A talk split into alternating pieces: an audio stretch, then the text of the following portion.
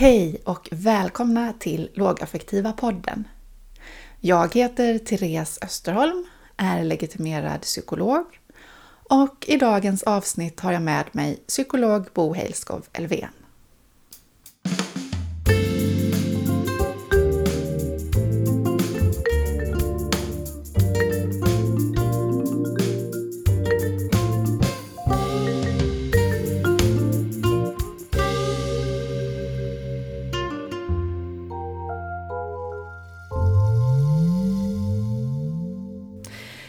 Jag tänkte att vi skulle prata lite om handledning idag i Lågaffektiva podden.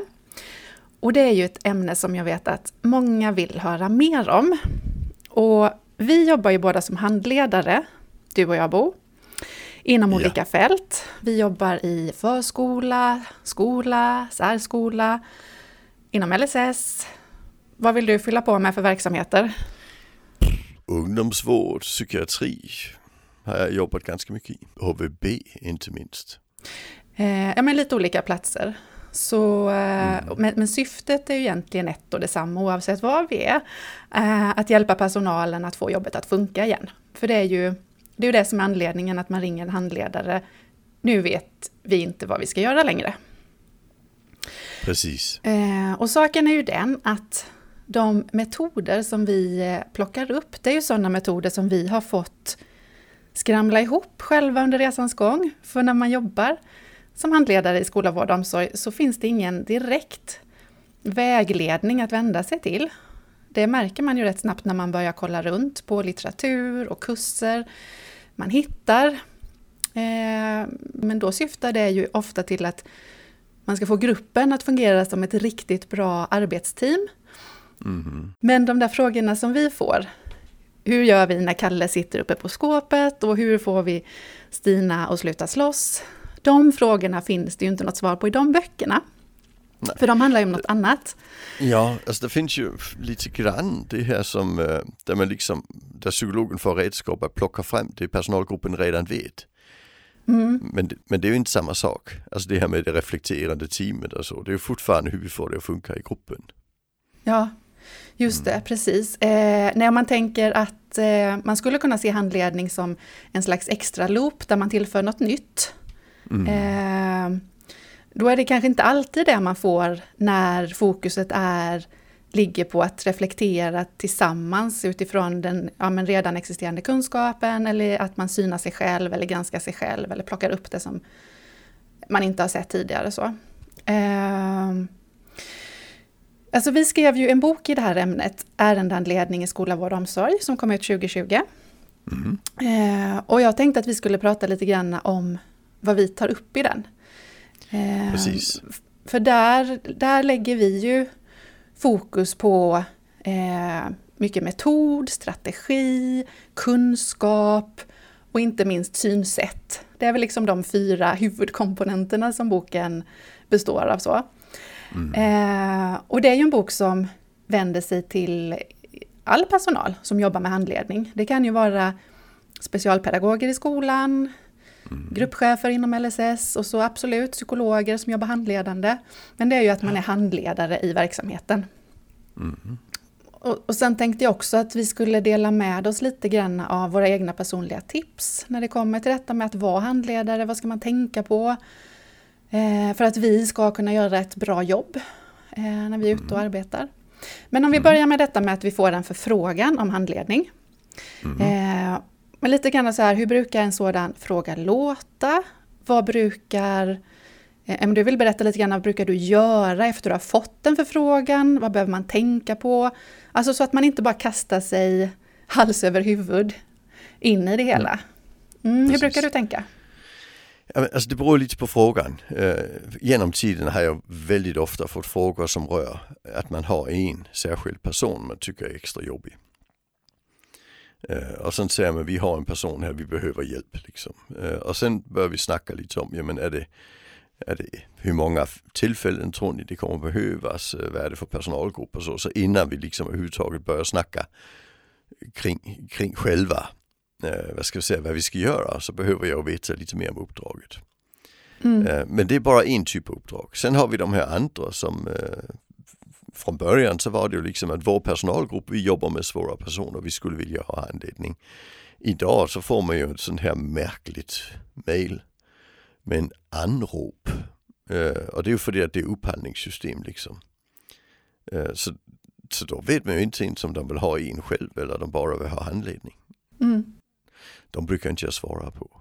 Nej, alltså för jag tänker ju att, att de ska ju välja handledare utifrån vad de tror de behöver och inte utifrån en lista. Så det är lite, det är lite olika men annars, annars är det ju att, att man, man måste ju ta reda på vad är behovet. Uh, mm. Dels rent tidsmässigt men även, även om jag upplever att det är något som är, som är min, min värld så att säga. Mm. Så, så det behöver ju handla om beteendeproblem och gärna NP om jag ska gå in i det. Det är liksom det jag är duktig på. Mm. Ja men så att det matchar deras fråga ja. och ditt svar. Mm. Ja precis, för man får ju, och sen, ofta får jag sådana lite diffusa också. Ja det ska vara metodhandledning men gärna också lite processhandledning till exempel. Mm. Och, och då brukar jag säga, då får ni ju ringa någon annan. Alltså för jag mm. sysslar inte med processhandledning. Och processhandledning ska vi ju kanske säga, det är, det är när man liksom tittar på hur jobbar vi tillsammans och interna relationer i, i arbetsgruppen och så. Och det finns det folk som är jätteduktiga på, men, men det är inte mm. jag. Nej, men precis, det är, ju, det är ju en annan slags handledning helt enkelt med ett lite annat syfte. Så, för ja. det är ju att få gruppen att fungera tillsammans och mm. gruppmedlemmarna eh, som tillsammans bildar gruppen som enhet. Så. Ja, och jag tycker eh. man ska hålla de uppdragen isär. Mm. Men jag har ju också kollegor som faktiskt lyckas förena dem, som är duktiga på båda delarna. Men så det är lite olika. Hur brukar du tänka kring sånt? Mm. Eh, jag har ju några, jag har några krokar som jag vill hänga upp lite information på innan jag börjar med en handledning.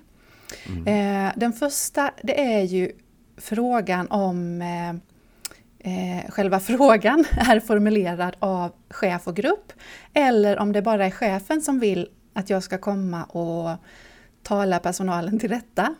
Ja, precis. Eh, ja, så jag brukar höra hur, eh, liksom hur själva frågeformuleringen har gått till om chefen har eh, pratat tillsammans med gruppen. Mm. Eh, vilket chefen behöver göra så att det blir, eh, ja, men det blir uttalat, eh, behovet som du säger. Eh, och eh, att det blir liksom begripligt. Vi har hört samma information, vi vet alla varför jag är där. Så, mm. så att det mm. inte är några konstigheter där. Så det är den ena eh, kroken så, som jag vill hänga upp information på. Den andra eh, hänger lite grann ihop med den första och det är frågan om gruppen är handledningsbar Eh, alltså det vill säga om de är mottagliga för handledning. Mm. Eller om de är upptagna liksom av något annat som de egentligen skulle behöva lösa först innan handledningen kommer till. Eh, mm. Det kan ju vara sånt som interna konflikter, personalfrågor, frågor om resurser och som är ledningsfrågor. För jag brukar skilja på de där två frågorna när jag pratar med chefen i början där att ledningsfrågor är ju till för ledningen att lösa och handledningsfrågor för handledaren så att det är tydligt vad uppdraget, eh, att det är ett handledningsuppdrag. Mm. Eh, det kan ju vara så att handledningen får vänta lite annars. För en grupp som är upptagen av ledningsfrågor, det är, då är det svårt att nå dem med min erfarenhet. För det finns det kan finnas praktiska saker som ligger i vägen ja. och det finns ofta en väldigt hög stress som mm. ligger i mm. vägen. Om, om du, vi kanske ska vara lite mer konkreta. Vad, vad menar du med, med ledningsfråga till exempel? Mm. Det kan ju vara till exempel eh, en konflikt mellan två stycken personal där en personal vill jobba utifrån ett synsätt med en metod och en annan personal utifrån ett annat synsätt med en annan metod. Det är en mm. fråga för ledningen att ta ställning till. Vilka metoder jobbar vi med här? Hur vill jag, vilket synsätt vill jag ska genomsyra mm. verksamheten? Eh, det kan vara det till exempel. Mm. Någon annan sån ledningsfråga, vad skulle det kunna vara? Alltså jag, jag, det kan till exempel vara om det är en, en informell ledning, alltså en arbetsgrupp som, som liksom lyckas köra sitt eget lopp liksom. Mm. Det, det upplever jag också ibland. Och, och, då kan det vara besvärligt att komma in som handledare, tycker jag. Mm. Ja men precis, att man då blir någon slags eh, Ledaren önskar att man går ledarens jobb och sätter tillbaka ja, ledaren på platsen, men det kan vi ja. aldrig göra heller. Det finns Nej. en ledning, vi är där från sidan som handledare. Mm. Lite sådana eh, lednings versus handledningsfrågor brukar jag också vilja bena ut innan. Och sen så den sista kroken, då är det ju då är det ju frågan om, och det hänger ihop med den andra frågan där, då är det ju frågan om eh, om chefen står bakom det som jag berättar att jag kommer kunna bistå med. Mm. Eh, för då, jag vill ju vara tydlig med att jag bistår med eh, kunskaper om funktionsnedsättning, tydliggörande pedagogik, lågaffektivt bemötande och andra metoder och strategier som matchar med detta och med ett autonomistödjande synsätt. Mm. Eh, alltså detta att vi ska ge stöd och hjälp och anpassa för bristande förmågor och så vidare.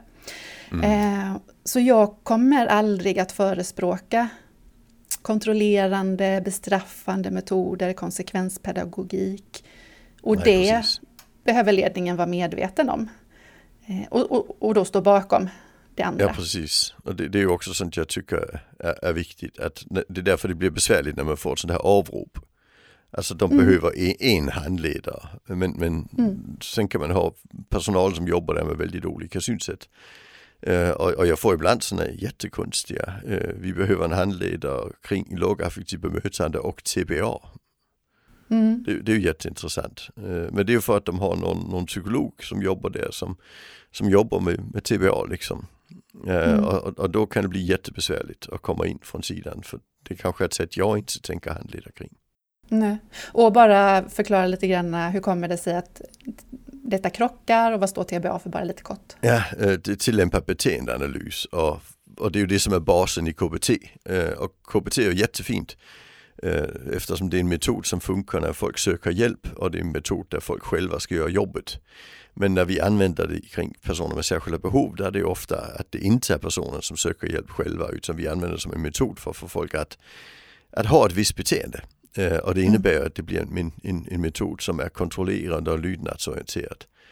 Uh, och, och, där kan man ju då förändra vissa beteenden utifrån de här mekanismerna men det är då inte utifrån personens vilja, det är inte med personens autonomi i fokus. Och därför krockar det med, med, med lågaffektivt bemötande i mitt tänk. Uh, mm. Och det jag ofta upplever när folk kommer med den kombinationen, det är att de behöver handleda föräldrar.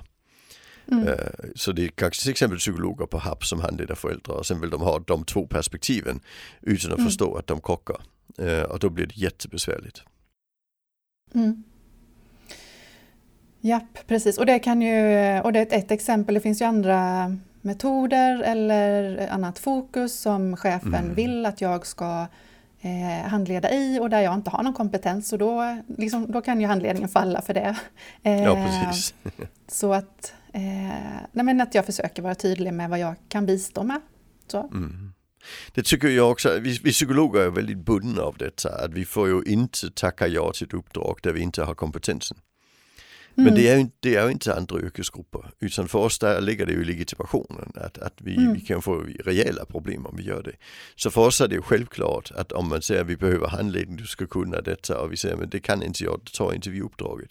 Men där upplever jag inte alltid att det är lika logiskt om man har en annan bakgrund där man inte har den här uh, hälso och sjukvårdslegitimation. Mm. Där kan det kännas som helt okej okay att ta ett uppdrag där man säger ja men du kanske vill ha det men jag tar nog detta och sen gör jag lite som jag vill. Mm. Uh, och det kan jag ställa till det ibland men jag har faktiskt också upplevt att det blev ett sätt att komma in i en svår verksamhet. Så, så det, men, men vi som psykologer kan ju inte göra det, så kan vi ju säga. Mm. mm. Precis. Eh, nej men så de, de, tre, de tre bitarna brukar jag reda lite grann innan för att sedan kunna ja men, formulera liksom själva kontraktet så. Eh, mm. Vad jag kan bistå med. Och sedan så brukar jag ju också när jag träffar handledningsgruppen ja men, spegla det eller berätta det. Att det här det här är vad jag och chefen har kommit överens om. Och jag, liksom för att dubbelchecka så att eh, de också har den bilden av varför vi sitter där. Så. Ja, precis. Ja, mm. ja det, det, är jätteviktigt. Det, när jag har jobbat med, med Statens institutionsstyrelse, alltså SIS, det är ju ungdomsvård, eh, ofta sluten ungdomsvård. Där upplever jag ofta att, eh, att man, man säger att man vill ha ett visst sätt och sen är inte chefen där när man väl kommer dit. Och mm. det blir väldigt besvärligt. Mm. För jag kommer ju ifrågasätta vissa typer av praxis de har. Eh, om då chefen upprätthåller det trots min handledning så blir det väldigt besvärligt. Mm. Ja, och om vi går över då till själva handledningen så i, i rummet, alltså själva kärnan mm. i arbetet är ju, som vi skriver i boken, att få till en synvända kring personen i fråga. Eleven yeah. eller ungdomen eller så. Eh, och kan du berätta lite om vad det är för synvända, vad vi menar med det? Ja, alltså, ja, det, är, det är något som jag har funderat väldigt mycket över eh, sen jag började jobba. Alltså, vad, vad, är det egentligen jag sysslar med? Eh, jag personligen, både när jag skriver böcker, när jag gör handledningar, när jag gör utbildning. Jag har kommit fram till att det jag egentligen sysslar med, det är att få folk att förstå att folk gör inte detta med flit. Alltså beteendeproblemen. Utan beteendeproblemen uppstår i situationen utifrån de förutsättningar som finns. Och bästa sättet att förändra det, det är att skruva på de förutsättningarna som finns. Uh, och på det viset ställer det sig i motsats till uh, alla möjliga ja, straff, konsekvens, belöning. Som egentligen handlar om att personen kan om hen vill. Vi ska bara få personen att vilja det. Uh, och, och, det är väl egentligen, tänker jag, det, det, det fokus vi sitter med det är att jag, när jag kommer in, jag, jag har en neuropsykologisk bakgrund, så när jag kommer in så handlar det om, i min första tanke när jag gjorde utredningar förr i världen, att beskriva tillräckligt bra vad det är som gör att det inte funkar för den här personen så att vi uppnår empati för personen. Och när vi väl uppnår det, då kan vi ändra personalens metod. Och det är egentligen samma sak vi gör när vi kommer in i, i vår handledning. Vi försöker eh, ja, bena ut vad är det som händer Sen försöker vi komma med hypoteser kring varför det händer utifrån tanken att personen gör sitt bästa. Alltså mm. det, det, är ju hela tiden det som, som ligger i min tanke. Och det som ligger bakom det, det är ju också en ren effektivitetstanke. Att om vi tar reda på vad vi kan göra annorlunda så blir vi väldigt effektiva. Eh, mm. om vi tar reda på vad personen borde göra annorlunda så blir vi väldigt ineffektiva. Så man kan komma åt det från olika håll. Alltså, jag kommer väl från ett humanistiskt håll. Men man kan lika väl komma från ett, eh, ett effektivitetshåll. Mm. Och eh, själva synvända arbetet som görs, det är ju vi, personalen i omgivningen som, ja, men som provar eh, andra strategier och mm. andra metoder. Eh, så det är ju, det syftar ju till att ge personalen verktyg som de kan använda sig av eh, ja, men på egen hand så utan ungdomens eller elevens medverkan eller vad ska jag säga. Det är ju inte, det är ju inte någonting som, eh, som kräver eh, att man har en samarbetsvillig elev eller ungdom eller, eh, eller, eller vem det nu är som man handleder kring. Eh, utan det är ju vi i omgivningen och, och hur vi ser på det hela och vad vi utifrån det väljer att göra för insatser. Mm. Alltså jag tänker lite så att, att vi, vi, kan få till en synvända enbart i huvudet på folk genom att snacka och försöka få dem förstå. Men den kommer inte att funka den dagen det är stressigt. Alltså den dagen mm. man håller på att misslyckas. Så, så därför är det bästa sättet tycker jag, det är att tillföra metod. Säg, prova detta, prova detta och sen får erfaren, personalen erfarenhet av att det funkar. Och det är mm. väldigt mycket mer effektivt för att upprätthålla eh, att man har den här mm. erfarenheten. Så det, det, är ju alltid en kombination av att snacka kunskap och sen att snacka metod, tycker jag. Mm. Eh, och Ja men precis, och det är, ju, det är ju ett av verktygen tänker jag i det här uh, hantverket så att tillföra liksom, ett är ju att tillföra kunskapen, alltså att utbilda mm. skulle man kunna säga. Ja. Eh, utbilda om olika sätt att fungera, om diagnoser, om vad stress gör med oss. Alla, ja. inte minst. Och, och det ska vi kanske säga att i, här, det är ju här skillnaden från vanlig handledning blir den största. Alltså där, om mm. vi har den här handledningen som syftar till att, att förhålla sig till vad som händer i gruppen eller eller som syftar till att ta fram den kunskapen som finns i gruppen så kommer vi ju här faktiskt med Alltså med kunskap, så det här det mm. är autism, det här det är ADHD. Så här funkar det. Det, det, det här det är de prognoser som finns. Det är, det är så här vi vet att det kommer att utveckla sig om du gör på detta viset. Eh, mm. och där har ju du och jag beskrivit det som just att vi mitt i handledningen på något vis plockar ur en, en liten tid och använder till att göra ett kunskapsloop. Mm. Eller ett undervisningsloop kan man säga. Och, och, det tror jag är väldigt, väldigt effektivt. Alltså jag tänker att när folk ringer efter en handledare då är det ju inte för att man tänker vi ska få lite ordning på det vi redan vet. Utan det är ofta för att vi, vi lyckas inte riktigt, vi behöver kanske mer för att lyckas. Mm. Och där brukar jag raljera lite över våra kollegor och säga att orsaken till att, att de här metoderna som reflekterande teams och så vidare har kommit till, det var att psykologerna hade inte kunskaper kring pedagogik. Men eftersom vi kom in som handledare så var man tvungna att hitta en metod där man kunde på något vis få fram kunskaper i gruppen. Uh, men, men just kring bemötande, neuropsykologi, uh, neuropsykiatri och så, där har vi ju faktiskt kunskap. Alltså mm. den pedagogiken som, som handlar om det, det, det är ju psykologers kunskap. Så på det viset har vårt yrke utvecklat sig senaste 30 åren. Mm. Och, och kunskapstillförseln, eh, alltså själva utbildandet så, den, den komponenten tycker jag i stort sett i, nästan alltid är med, mer eller mindre. Ja. Eh, det som också alltid är med i själva arbetet, det är eh, konkreta material av olika slag, som till exempel eh, ett kartläggningsmaterial som stress och belastningsmodellen, mm. eh, eller eh, registrering över affektnivåer. Alltså det är två exempel på kartläggningsmaterial mm. som finns beskrivet i flera mm. av dina mm. böcker. Ju. Ja, precis. Ehm, och, eh, eller ett utvärderingsmaterial, utvärdering av kriser, en annan mm. modell ju.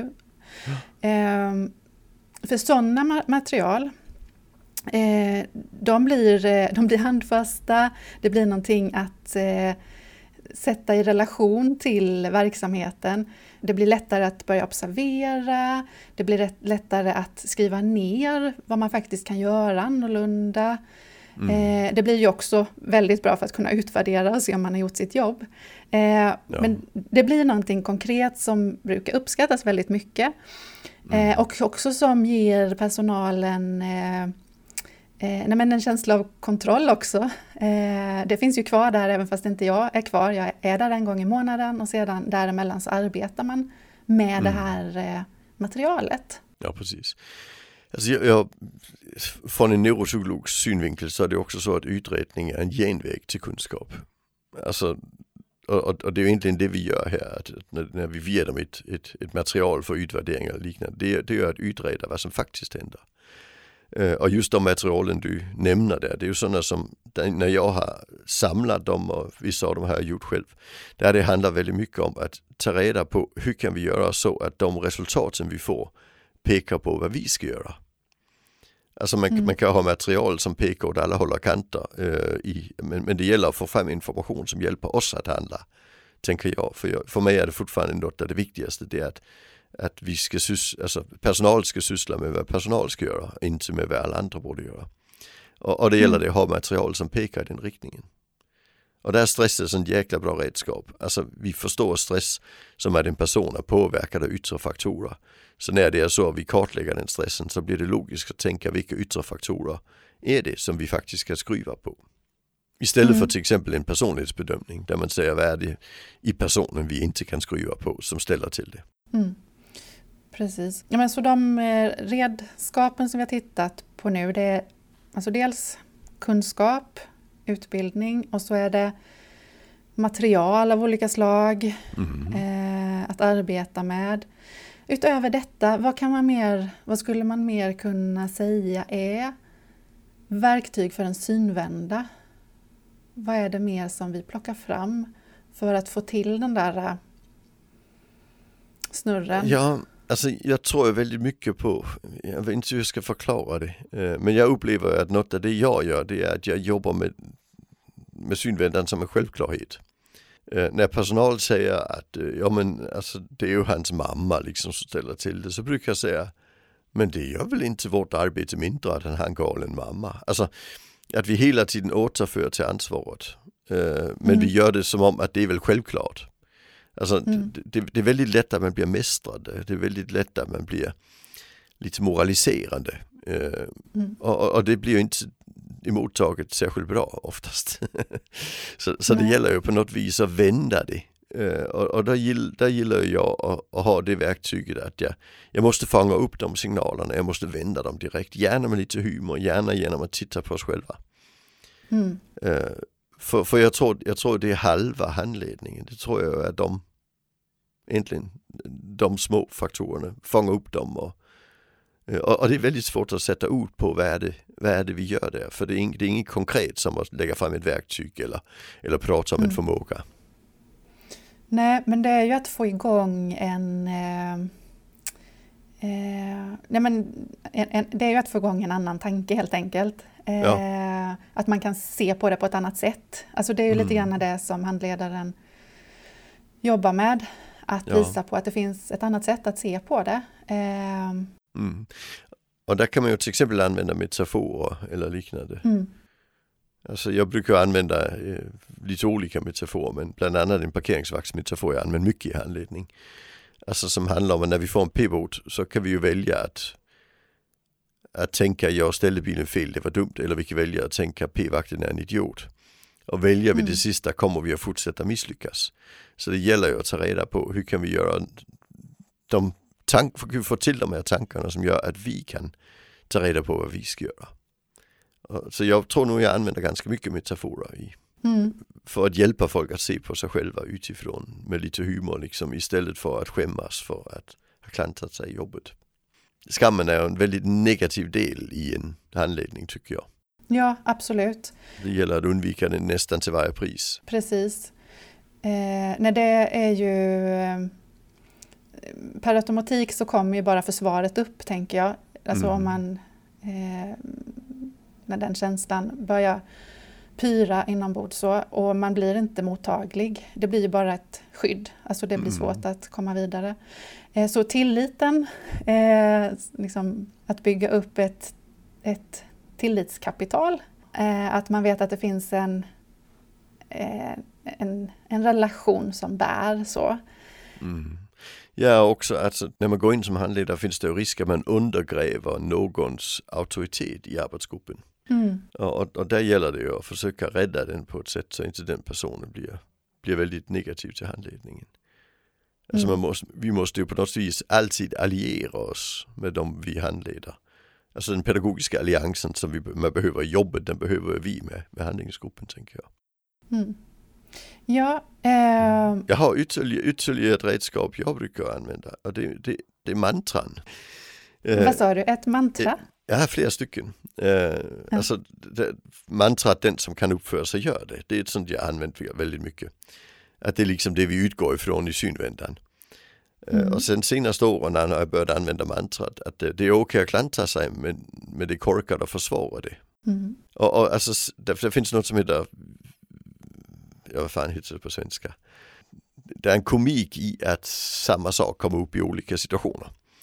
Och den komiken kan man använda lite. Så, så liksom eh, när någon klantar sig så är det viktigt att säga det är okej att klantra sig. Kom ihåg bara det är dumt att försvara det och sen snackar vi därifrån.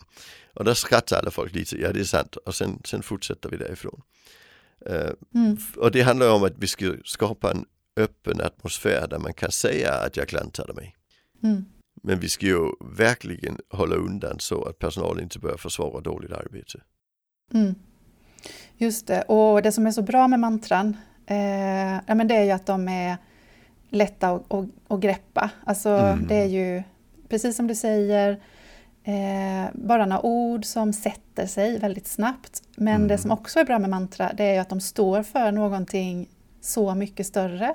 Ja, precis. Eh, en, ja. en utgångspunkt, eh, ett synsätt, mm. Eh, så, och leder den vidare till nästa rätta sak att göra.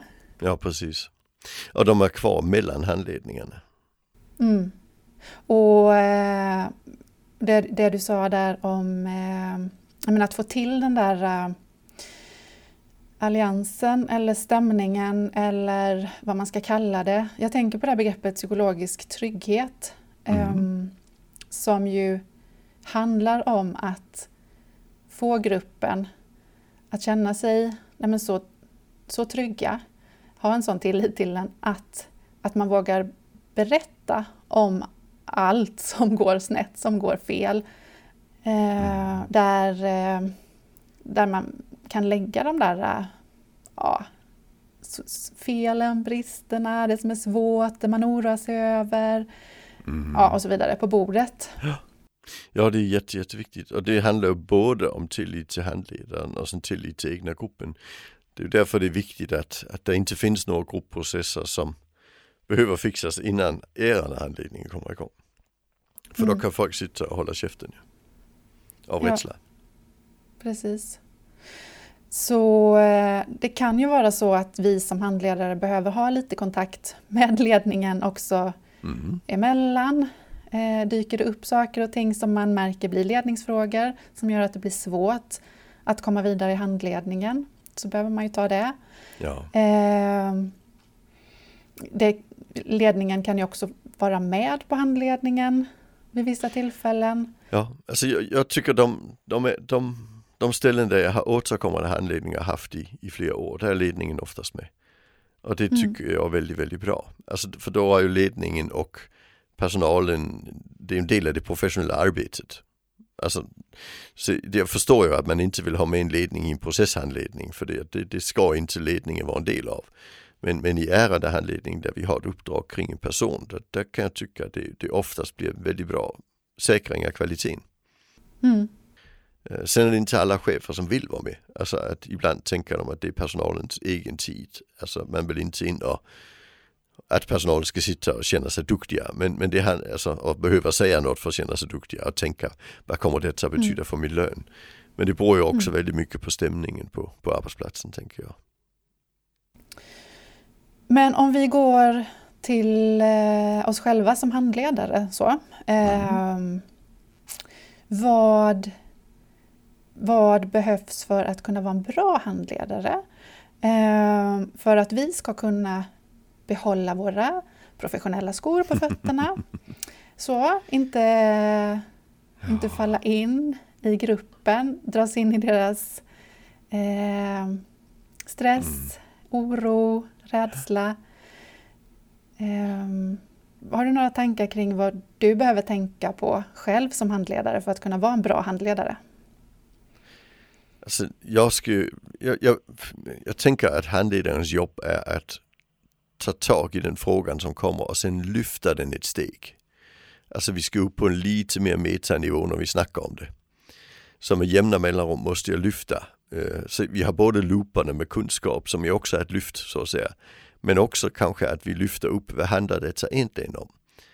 Eh, alltså, och det kan ju inte jag om jag är insyltad i det som händer. Alltså, så, så jag tillhör de som anser att den bästa handledningen är faktiskt den där jag inte träffar personen jag jobbar med. Mm. Eller personen, personalen jobbar med. För har jag träffat den personen finns det risk att jag har åsikter.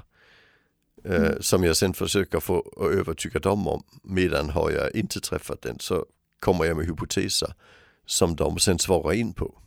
Och det blir oftast bättre. Mm. Alltså, och det, det, det är en fördel. Sen ställer det ju till det lite i, det finns en rörelse i, inte minst i psykiatrin som jag tycker är väldigt, väldigt positiv. Att, in, att dra in den person det handlar om i, i arbetet i större utsträckning för att se till att det är det finns insyn och det är liksom genomblickbart. Mm. Uh, och där har jag handledningar där jag har faktiskt personer vi snackar om som den sitter med i rummet. Och med på handledningen och det blir ju någonting helt annat.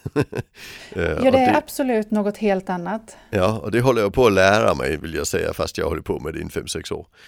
Eh, ja. Men, men hur, vi, hur vi faktiskt kan göra det på ett bra vis som blir värdigt och bra. Liksom. Eh, för för det, det, det ställer till det lite men jag förstår absolut värdet av det i, i, en annan del. Men det tror jag är det största. Har jag en handlingsgrupp där jag inte träffar klienten utan bara handlingsgruppen så, så är det lättare för mig att behålla den mm. vad ska man säga, öppenhet som vi behöver. Ja, Eh, och för mig så är det eh, nej men det blir viktigt med handledning på handledningen. Ja. Eh, att jag får hjälp eh, att se på vad som sker utifrån en annan handledares ögon. Mm. Eh, för, för dels så eh, blir det ibland så, och det blir så uppenbart sen när man pratar om det med någon annan, att man har dragits in i gruppens problem Mm. och då behöver man få hjälp att ta sig ur det. Precis, Eh. där tänker jag att alltså det hände mig när jag för många år sedan var jag skolpsykolog i ett och ett halvt år. Eh, Och där var det jättelätt att hamna i den. Alltså för man träffade ju de här handled, handledningsgruppen träffade man ju i fikarummet till vardags också. Alltså och man, man Ja, såg Precis. man såg ju också barnen och var med på möten och allt möjligt annat. Det var jättesvårt att hålla sig isär där. Där behövs ju verkligen handledning på handledning. Ja. Mm. Eh, I en handledning på handledningen så kan man eh, få tag i det där hoppet som man ju ska stå för gentemot gruppen som handledare. Jag tänker att handledarens yttersta uppdrag någonstans, allra, allra ytterst, så är det att eh, vara ett ställföreträdande hopp. Eh, och det är inte så lätt alla gånger. Verkligen inte så att man bara kan uppbåda det hoppet på egen hand alltid och då behövs det en handledare. Absolut, eh, det tänker jag också. Eh, Alltså, det, är en, en, en mekanism som händer i rummet eh, som handlar om affektsmitta. Att kommer man till en personalgrupp som är uppgiven så smittas man ju av den uppgivenhet. Och, øh, och det som handledare behöver man ju veta om det. Man behöver känna av det och man behöver ha strategier att ta sig ur den. Alltså att, att vi kommer in och, och alltså ibland blir det ju att man måste liksom ta hjälp av Asch, det här fixar vi liksom. Som kan synas lite øh, arrogant, kanske till och med. Men kanske nödvändigt för att, att själv upprätthålla hoppet i detta eftersom vi smittas så jäkla mycket av den handlingsgrupp vi sitter med. Mm. Precis, man då- behöver ju vara bra på att känna igen sina egna känslor och ha strategier. För att inte, ja men precis, eh, som du säger, liksom dras in eller smitta tillbaka med vanmakt till exempel. Ja, som man Eh. förstärker maktlösheten. Det Mm. finns absolut risk för det. Ja. Och där tänker jag också, ju närmare man är verksamheten, ju svårare är det att hålla sig från det. Alltså det, det är mycket enklare när man, när, man, när man inte är en del av samtalet i fikarummet om, om de bristande resurserna, om hur jobbigt det är att vara här. Mm. Precis. Och jag kan tänka att när man är handledare och är i verksamheten till vardags också Mm. eh, så kan man behöva sätta upp lite, eh, men, eh, lite ramar, eh, alltså göra dem lite övertydliga ibland kanske för att visa på att nu sitter vi i det här rummet men vi har lite andra roller nu än vad vi brukar ha när vi ses. Mm. Man kanske får bli lite extra formell ibland, lite övertydlig så med vilken roll jag har nu när jag sitter här. Mm. Eh, Ja, precis. Ja, och, och alltså, men det, det är ju svårt när, när folk upplever en från i vardagen att, upp, att ha den, Mm. ska vi kalla det, auktoritet i situationen. Jag hade en sån jättemärklig upplevelse. Eh, jag var ju skolpsykolog eh, för väldigt många år sedan, 2000 eh, och halva 2001. Och där hade jag en skola i, i Danmark, i Greve kommun. Eh, och sen var jag faktiskt där och föreläsa precis innan coronan på samma skola, de hade kallat dit mig. Eh, och det var ju en del av lärarna som var kvar liksom. Det var en av lärarna, han gick i skolan på den skolan och sen gick han vidare till gymnasiet och lärarhögskolan och sen kom han fan med tillbaka och jobbade där. Så han har varit på den skolan hela sitt liv utom just i gymnasiet och, och lärarhögskolan. Eh, och där upplevde jag att det var mycket, mycket svårare att sälja in det jag sa. För de upplevde att Mm. de visste vem jag var. mm. Och det, och det är ju ändå 20 år sedan jag var där. Det måste ju vara jäkla mycket mer besvärligt när man var där förra veckan. Ja, och jag måste säga, för jag kan säga det som kan vara ännu mer besvärligt, det är ju när man, när man har personal i handledning som man har haft som lärare själv, när man då gick på skolan. Ja. Det, det, då får man jobba lite med den där övertydligheten i vilka roller vi har nu när Ja. vi sitter här runt bordet. Precis, det, verkligen. Ja, det kan jag förstå. Ja. Eh, nej, men om vi ska skicka med våra handledarkollegor något speciellt. Eh, Något som man kanske skulle vilja trycka lite extra på. Eh, så. Ja, jag tänker ju på det här med eh, eh, utifrån att jobba i skolan just nu väldigt mycket, men eh, i andra verksamheter också, så, så tänker jag att som handledare så ska man i skolan då ha kunskaper om olika sätt att fungera med sig i bagaget om Mm. neuropsykiatriska funktionsnedsättningar. Ja, det För- måste man. Det är helt grundläggande. Det är, ja, men det är ju Mm. Oftast de här barnen som vi kommer att bli inblandade kring. Ja. Och då måste vi kunna tillföra den där eh, kunskapsloopen Mm. eh, om ett annorlunda sätt att fungera och vad som behövs då. Så det, det tänker jag är ett, ett måste, skulle jag vilja ha det till. Men det, det finns absolut några måsten och jag tycker det är en utav dem. Mm. En, en annan Mm. det är alltså HBTQI-kunskap. Mm. Eh, alltså att, att, att du måste gå in i det utan att bli förvirrad över sådana frågor. För det kommer också upp, Mm. och särskilt när vi snackar just funktionsnedsättningar så, så kommer den typen av frågor också vara där. Och där måste man vara så pass grundad i den så inte man plötsligt börjar moralisera andra konstigheter. Ja. Så det, det tycker jag också, det, det går inte utan ganska enkelt. Mm.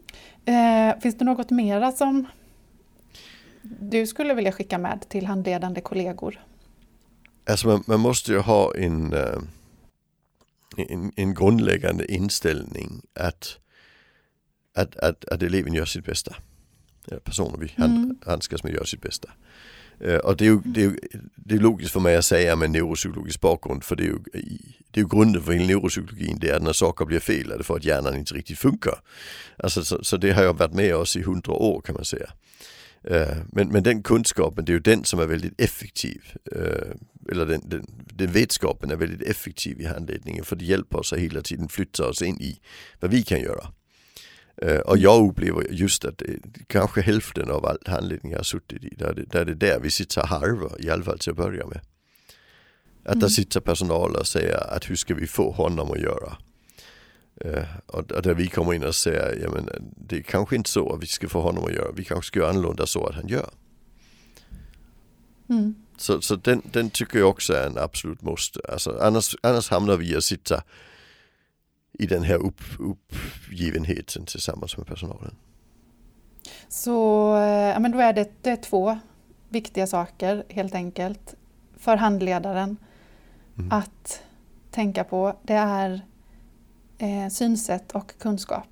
Ja, det, det, det, tror jag det, det är det viktigaste. Sen är det bra att, att ha jobbat med pedagogiska verkligheter.